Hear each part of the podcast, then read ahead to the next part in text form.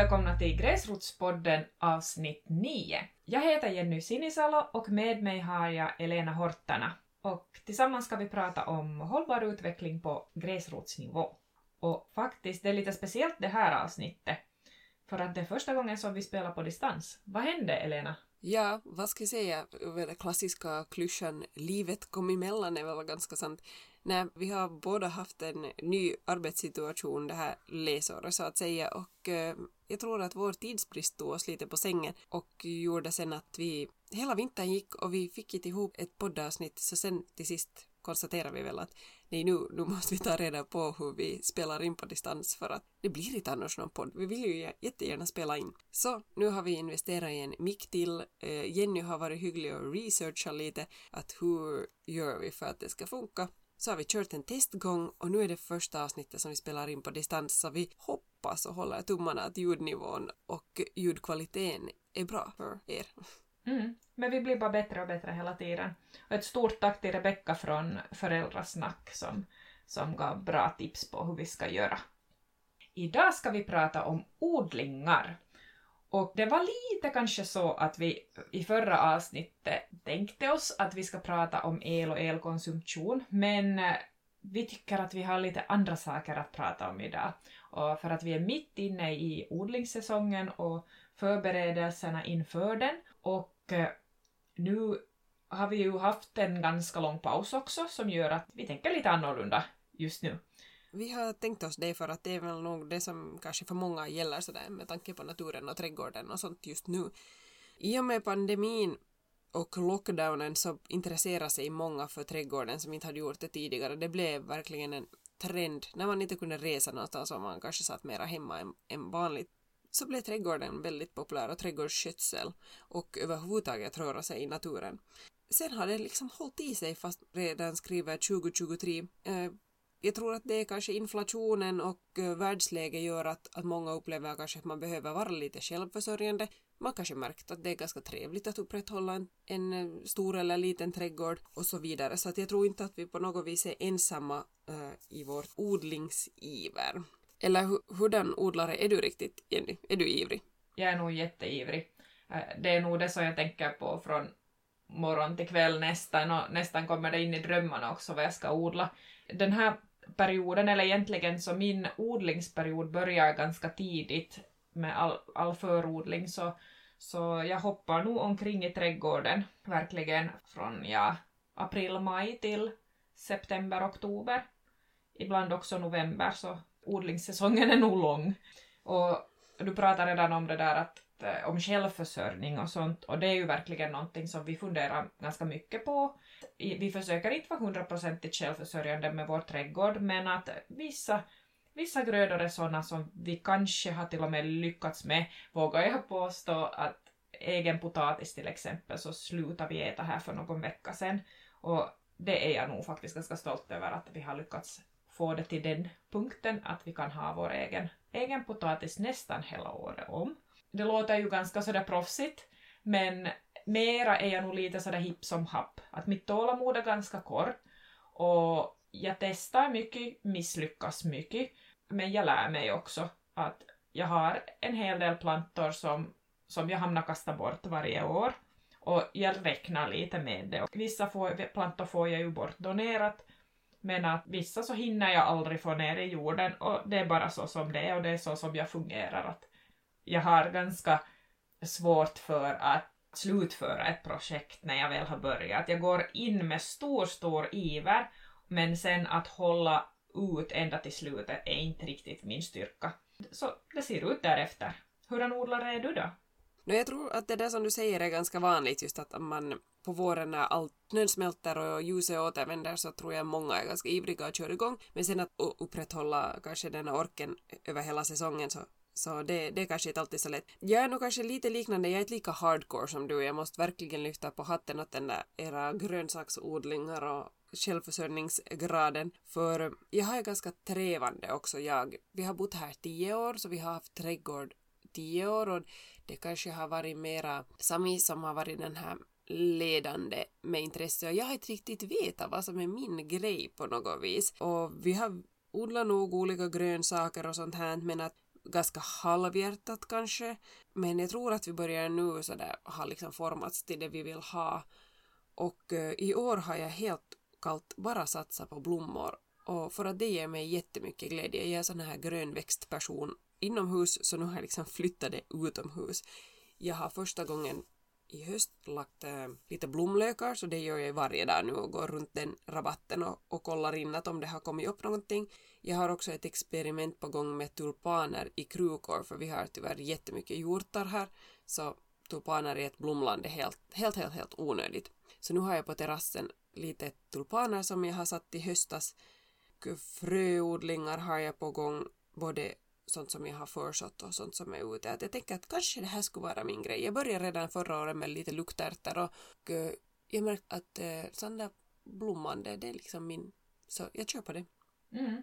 Jag har ju en, äh, mitt intresse för blommor är ju inte så jättestort, har varit i alla fall, men senaste kanske två, tre åren så har jag blivit ganska inspirerad av främst kanske min granne som lite halvt trugar men också donerar att jag får gå omkring i hennes trädgård och, och titta att vad, vad som är fint och vad jag skulle kunna tänka mig att ha. Och då får jag ju se också när de blommar så vet jag lite hur de är i storlek. Men sen har hon också gjort sig av med några blomrabatter och då har jag liksom ärvt de där plantorna så det är då, då är det främst fråga om perenner, alltså fleråriga, fleråriga blommor. Inte vet jag ju riktigt hur jag ska vara med dem och ibland så glömmer jag lite bort vad jag har lagt var och jag tror det är också ganska vanligt att man inte kanske har så bra koll alla gånger. Och nu senaste som jag gjorde var att jag täckte faktiskt ett rör som kommer ut från bastun med en blomrabatt. Eh, Joakim hade ju sagt i något skede att där är sen ett rör att du får inte sätta en blomrabatt där men inte kom jag ju ihåg det sen när jag väl var igång så så han fick ju gräva upp min rabatt. Kommer jag ihåg vad, vad han grävde upp heller, de där plantorna finns ju kvar men jag vet, jag vet faktiskt inte vad de är ens. Att jag har ganska sällan koll på vad någonting heter. Jag kan minnas ibland hur det ser ut när de blommar men det, det är väldigt sådär eh, nästan bohemiskt det här min, min verksamhet här ute i trädgården. Kanske många av er andra känner också till Britta och Kalle som har serien Hjälp vi har köpt en bondgård på SVT och eh, där har Britta introducerat ett, ett odlingssätt som hon kallar till Redguard. Det betyder att det är inte så noga, sådär kort sagt, att man slänger lite blomfrön eller planterar lite här och där utan att det behöver, jag tror att många av oss bromsas av att, att det finns så mycket regler och hur man ska göra och sånt här. Att man kan lite sådär go crazy. Och där känner jag, jag tyckte också att det var kanske ett steg i min den här att bli vän med odlingar och vän med trädgård. Att, att det behöver inte vara så noga för jag kände att jag bromsades jättemycket och att jag borde veta så himla mycket. Och jag är kanske inte där att jag, jag känner ofta i må, många sammanhang i livet att, att jag skulle behöva 100% koll före jag ger mig in på någonting. Och den här trädgården har varit en sån grej som jag inte har det. Jag kör med Redguard, det känns det känns bra. Och sen har man ganska sällan koll på hurdana förutsättningar man har. Att man kanske inspireras av, av någon eller någonting och så försöker man tillämpa det i sin trädgård och så har man inte alls samma förutsättningar som till exempel, vi har, inte, vi har liksom inte alls samma möjligheter i Finland som, som man har i södra Sverige men man kanske ändå tar den där inspirationen därifrån. Och då är det ju lätt liksom att, att, att känna att oj nej, att det här blir till ingenting. Men sen faktiskt så vi var på studiebesök till en plantskola här i veckan med vår Martaförening och vi har en sån här huippuföretagare här i byn, hon heter Elina Ihamäki och hon, hon var snäll och visade oss runt och berättade lite om sådana vanliga misstag som man gör. Och hon sa det här att till och med hon har svårt att få plantor att växa från frö. Att mycket av, av det som odlas på, på växthus så är ju redan färdiga små plantor som, som man fortsätter på, att, att det är inte frös och att det är ganska svårt. Och då, då är det lätt liksom att känna, sig, känna sig att man inte lyckas, fast det liksom också kan vara fel på fröna. Jo, det undrar jag om det har varit på min rosenskära som jag har köpt i år, mina frön, för att grobarheten har varit jättedålig i, de påsar. Jag har köpt två olika. När folk säger att rosenskära är så himla lätt och det blir så nätt och det blir så bra. Mina få som kommer upp är skrangliga, eländiga, så jag sätter det på tillverkaren tror jag. Nu är det ju också så att vi har ju ganska olika förutsättningar både du och jag. Vi bor nästan 500 kilometer ifrån varandra och just så att ena bor mera söderut, det är du, och jag bor mera norrut. Jag kollade upp det här att, att du bor i växtzon 1 och jag bor i växtzon 4. Så det är ganska stor skillnad på våra förutsättningar oss emellan. Eller hur ser dina förutsättningar ut från ditt perspektiv? Då förutom då växtzon 1 så har jag att göra med en nästan en hektar stor tomt som är delvis berg och eh, lite skog kan man väl kanske säga. Den här tomten har förut varit en granskog så här är vi, och vi är uppe på ett berg så här är väldigt torrt och eh, ställvis kommer också berget emot så det är inte heller så djupt med jord. Så här är det ställer ganska mycket krav det för att det finns väldigt få sådana där skuggplatser för till exempel perenner och sånt som vill ha skugga eller halvskugga. Vi är dessutom så där största delen av gården i sydläge så att solen gassar verkligen på här och nu de här senaste somrarna har ju varit väldigt, väldigt torra så jag kan inte heller hålla på och vattna och ha mig så hemskt mycket och visst, det hamnar vi nog ändå göra, men att liksom det känns ohållbart att stå sen där hela tiden. Så det sätter förstås sin, sina begränsningar på vad, vad som klarar sig här uppe hos oss och var man kan sätta sina odlingar. Eh, dessutom har vi massor med hjortar och de äter upp allt och harror också för den delen om vi ska inte alls bara skylla på hjortarna. Så att därför har jag tulpanerna på terrassen som sagt och en del påskliljor och narcisser klarar sig för att det vill inte de ha för de smakar tydligen illa. Men jättemycket annat får stryka med på foten om mina stackars blomlökar som jag köpte blandningspåsar med lite allt möjligt för 16 euro och jag tänkte att det är inte så stor, stor utgift ifall det är så att det allt äts upp, att det får jag nog lära mig bara efterhand. Jag var till och med i bokhandeln här en dag och och där fanns olika trädgårdsböcker så tänkte jag att varför har ingen skrivit en bok som är sådär hjorten i din trädgård eller någonting sånt här så att man skulle kunna få en bok som det står i vad tycker de inte om att äta, hur kan man ändå lyckas fast man har sådana stora besökare nattetid in på gården. Där som vi bodde tidigare så hade vi jättebra förutsättningar att odla. Det var gammal åkermark, att allt bara växte som vi satt ner. Sen när vi flyttade hit, som vi bor nu, i Vårå, för ungefär tio år sedan, så stötte vi ganska snabbt på problem. Vi fick inte riktigt någonting att växa. Eftersom det har varit en gammal bondgård så vi trodde att det skulle vara frodigt och bra i marken men det visade sig att eh, vi omringas av lerjord, eller vi bor på lerjord. Och det betyder det att ganska många grödor har svårt att växa på land. Under de här senaste åren så har vi försökt lägga till jord eller sånt som maskarna ska kunna äta och så att det ska bli en bättre jord på den där leran. Så det har vi jobbat med mycket och därför har vi också liksom helt ändrat ändra till täckodling till exempel. Äh, när man täckodlar så det betyder att du i princip inte gräver alls. Man har kanske hört om det här no-dig-metoden och täckodling det är nog i princip samma sak. Och det går ut på det att du kan egentligen börja odla var som helst, att du täcker först mark. Det kan om du har jättesvåra, svårt ogräs så kan du täcka med någon plåt och låta vara i något år så att äh, ogräset där under dör och sen börjar du täcka med paff till exempel och sen en massa sån här nedbrytbart grovare Eh, till exempel små kvistar och löv och, och halm och hö och allt möjligt och gödsel och ja det går att sätta nästan vad som helst och sen börjar man liksom laga bäddar att det blir egentligen så upphöjda bäddar av det istället och det var också en stor orsak till varför vi ville ha djur för att kunna få det här gödslet helt enkelt så att vi får stora mängder ganska snabbt. Så vi har ändrat om helt, helt taktik. Att förut så gick vi då i potatislandet så gick vi och rensade och myllade och det ena och det andra. Nu gör vi egentligen ingenting efter att vi har satt ner potatisen. Så det är mycket, mycket lättare. Och det som täckodling nog kan leda till är att man får mycket mera sniglar och det har jag nog märkt också att, att fukten hålls jättemycket bättre i marken i och med att man har det där täckmaterialet. Och är det en fuktig sommar så får man nog sniglar, det får man räkna med. Men att eh, vi har inte nu så mycket av dem. Och det är, våra hönor är ju jätteglada när de får sniglar. Så jag brukar sen gå och plocka dem och så kastar jag dem åt hönorna. Så, så jag löser det på det sättet.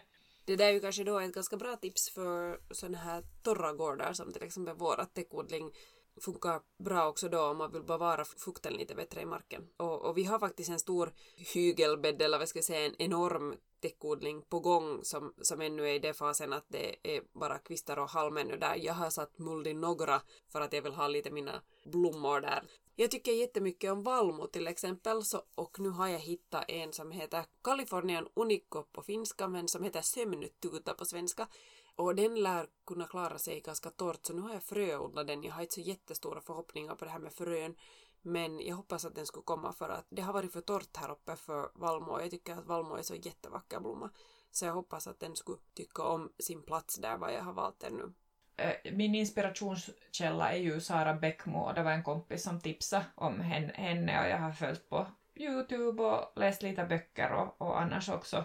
Det är, ju, det är ju inte bara hon som täckodlar, det är ju så många, många andra också så, så det, det hjälper nog både när det är en torr sommar men är det en våt sommar så då, då är det lite mer utmaningar förstås. Precis.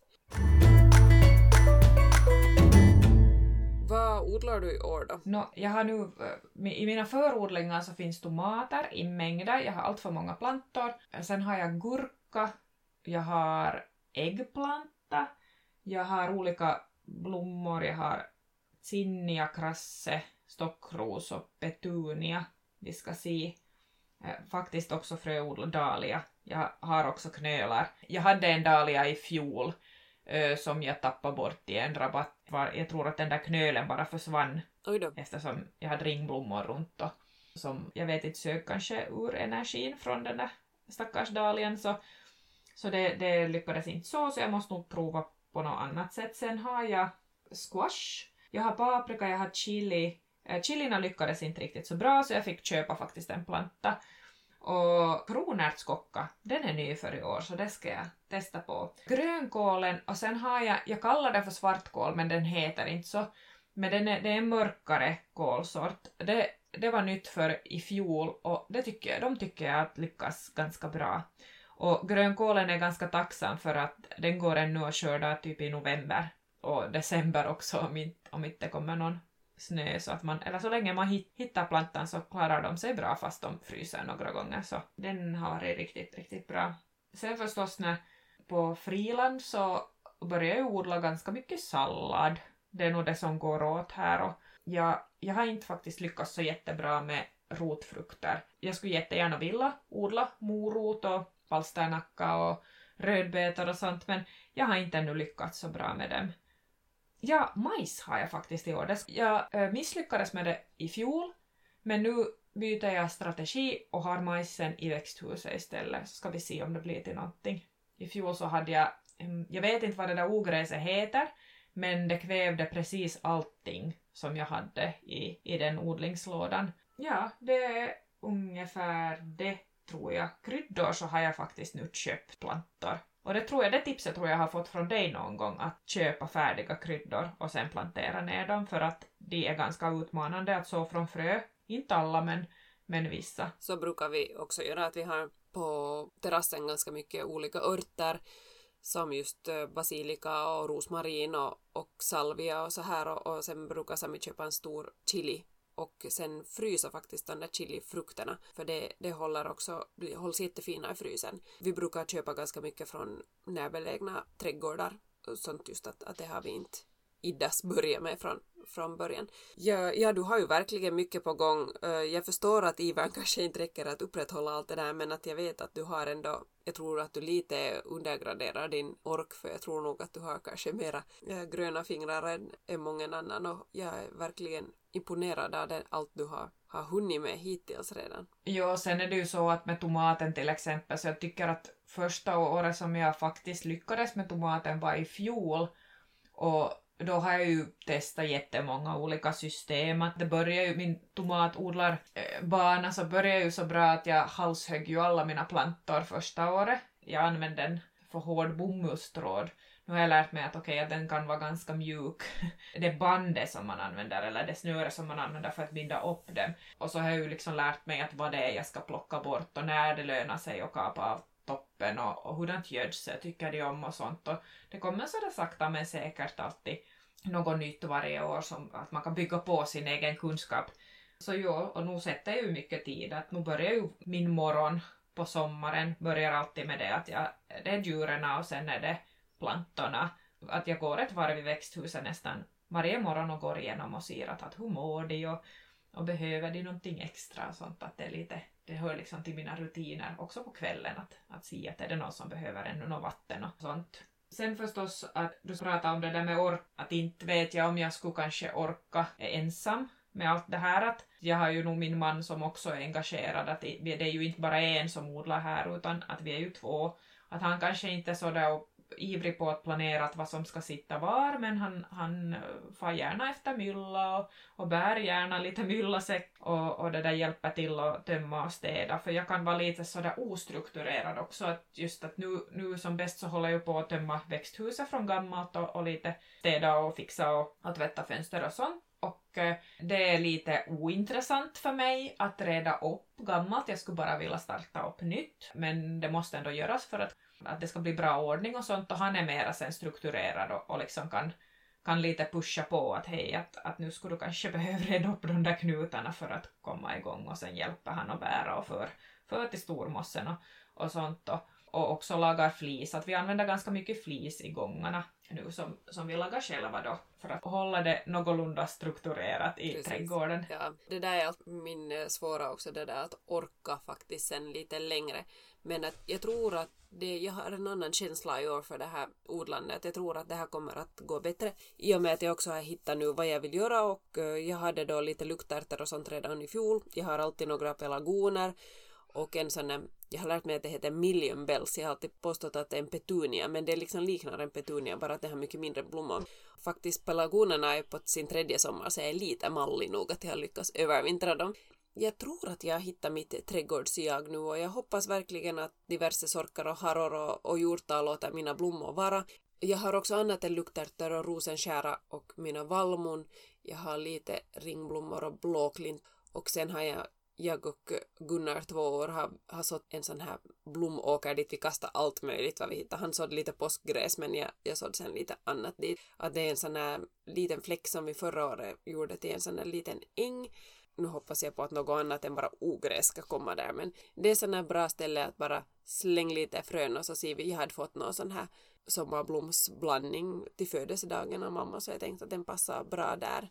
Så jag går nu där varje dag och ser vad som har hänt också med mina lökväxter från i fjol och för jag har ingen aning om att om man har några höga blommor, att vad som skulle vara nätt som så marktäckare runt och vilka tycker om att eh, vara på samma ställe och vilka klarar lite mera sol och sådär. Men jag tänkte att jag behöver inte veta och man kan inte kanske kunna alltid med trädgårdar veta allt på förhand utan man ser vad som lyckas och oho, att det där spred sig jättemycket och det där blev ju inte bra alls där. Och det som jag också förstås tycker om är olika träd. Jag, jag drömmer jättemycket om eh, magnolia. Eh, den finns också ganska ofta i så Sverige och södra Sverige men den borde, det finns en art som borde klara sig här och en jasmin skulle jag också vilja ha för den doftar så jättegott.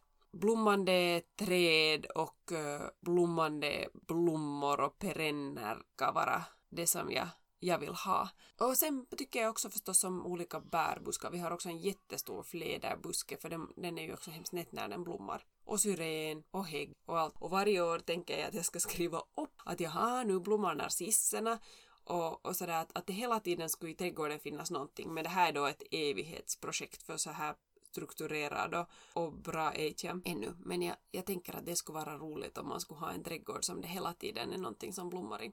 Min en, en dröm förutom den där magnolien är också pioner men jag, jag har inte hittat ännu på Vårgården en plats där pioner skulle passa och jag vet inte heller om de skulle klara sig riktigt här i den här torkan hos oss så att det, det, är lite oklart men jag tycker de är så himla vackra. De är nog jättevackra. Jag har haft också, jag placerar helt på fel ställe. Jag hade någonting som mamma gav tror jag någon, någon gång och, och det här, jag placerade helt fel så, så de har aldrig blommat där. Så nu har jag flyttat dem i fjol så vi ska se om det, om det funkar. Sen var jag och, och faktiskt stal en pion, men jag tänker inte berätta mer om vad jag har gjort, men låt oss säga att jag tror ingen saknar den. Vi ska se hur det går med dem, att, att är det, jag har inte heller tagit reda på, det, det känns ibland att, att man måste ta reda på så mycket kring varje sort och, och sånt och och det låter jag många gånger bli att göra och därför kanske det inte heller blir till någonting. Men sen när man tycker att okej okay, nu är tiden inne, nu finns intresse så kan man ju göra det. Att man kan ju bara sprida ut lite frön och, och se att vad, vad händer.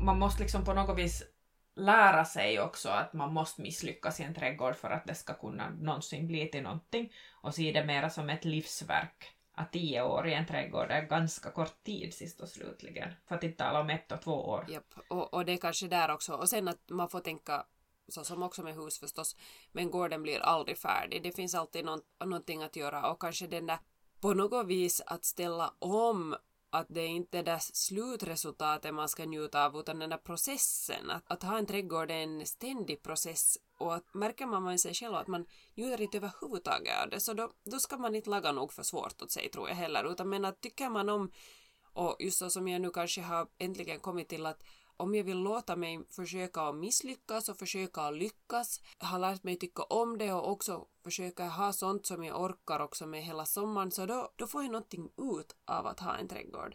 Och jag tror att jag börjar vara där, det, det känns så i år. Jag skulle inte göra någonting i trädgården om inte jag skulle tycka att det är roligt. Jag gör ingenting för att jag måste, utan jag gör bara det för att det är roligt. Det finns så mycket hobbyn som man kan ha, men tycker man inte om trädgård så då ska man nog inte syssla med det. Precis, det låter som ett bra ledord. I och med att de flesta av oss åtminstone kan syssla med trädgårdsskötsel och odling för att det är roligt, inte för, att, inte för ren överlevnad. Så då ska det också bara vara roligt. Att det finns så mycket trist och tråkigt här i livet så låt trädgården vara en cool grej. Och så kan man lite skratta åt sina misslyckanden. Man får inte ta sin trädgård på för stort allvar heller tror jag. Men jag tycker att vi återkommer till det här trädgårdstemat i höst. Vi återkommer till hur gick det med den där orken, hur gick det med allt försått och frösått och eh, vad, vad blev slutresultatet? Och också gärna skulle jag vilja höra vad du tänker göra med alla dina grönsaker och sånt och hur du förvarar din potatis för att den ska räcka ända till maj nästa år.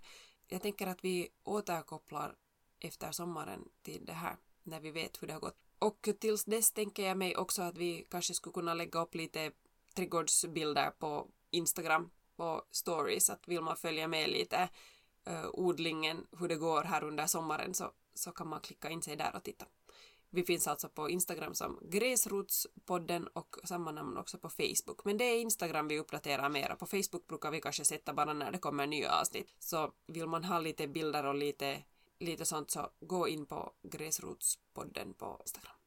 Ja, tack för oss och följ oss under sommaren på Instagram och sen återkommer vi eh, i höst eller tidig höst med, med hur det sen gick så, så tar vi trädgård del två då. Absolut, det ska vi göra. Ska vi säga tack för oss? Och så hörs vi nästa gång. Hej då! Hej då!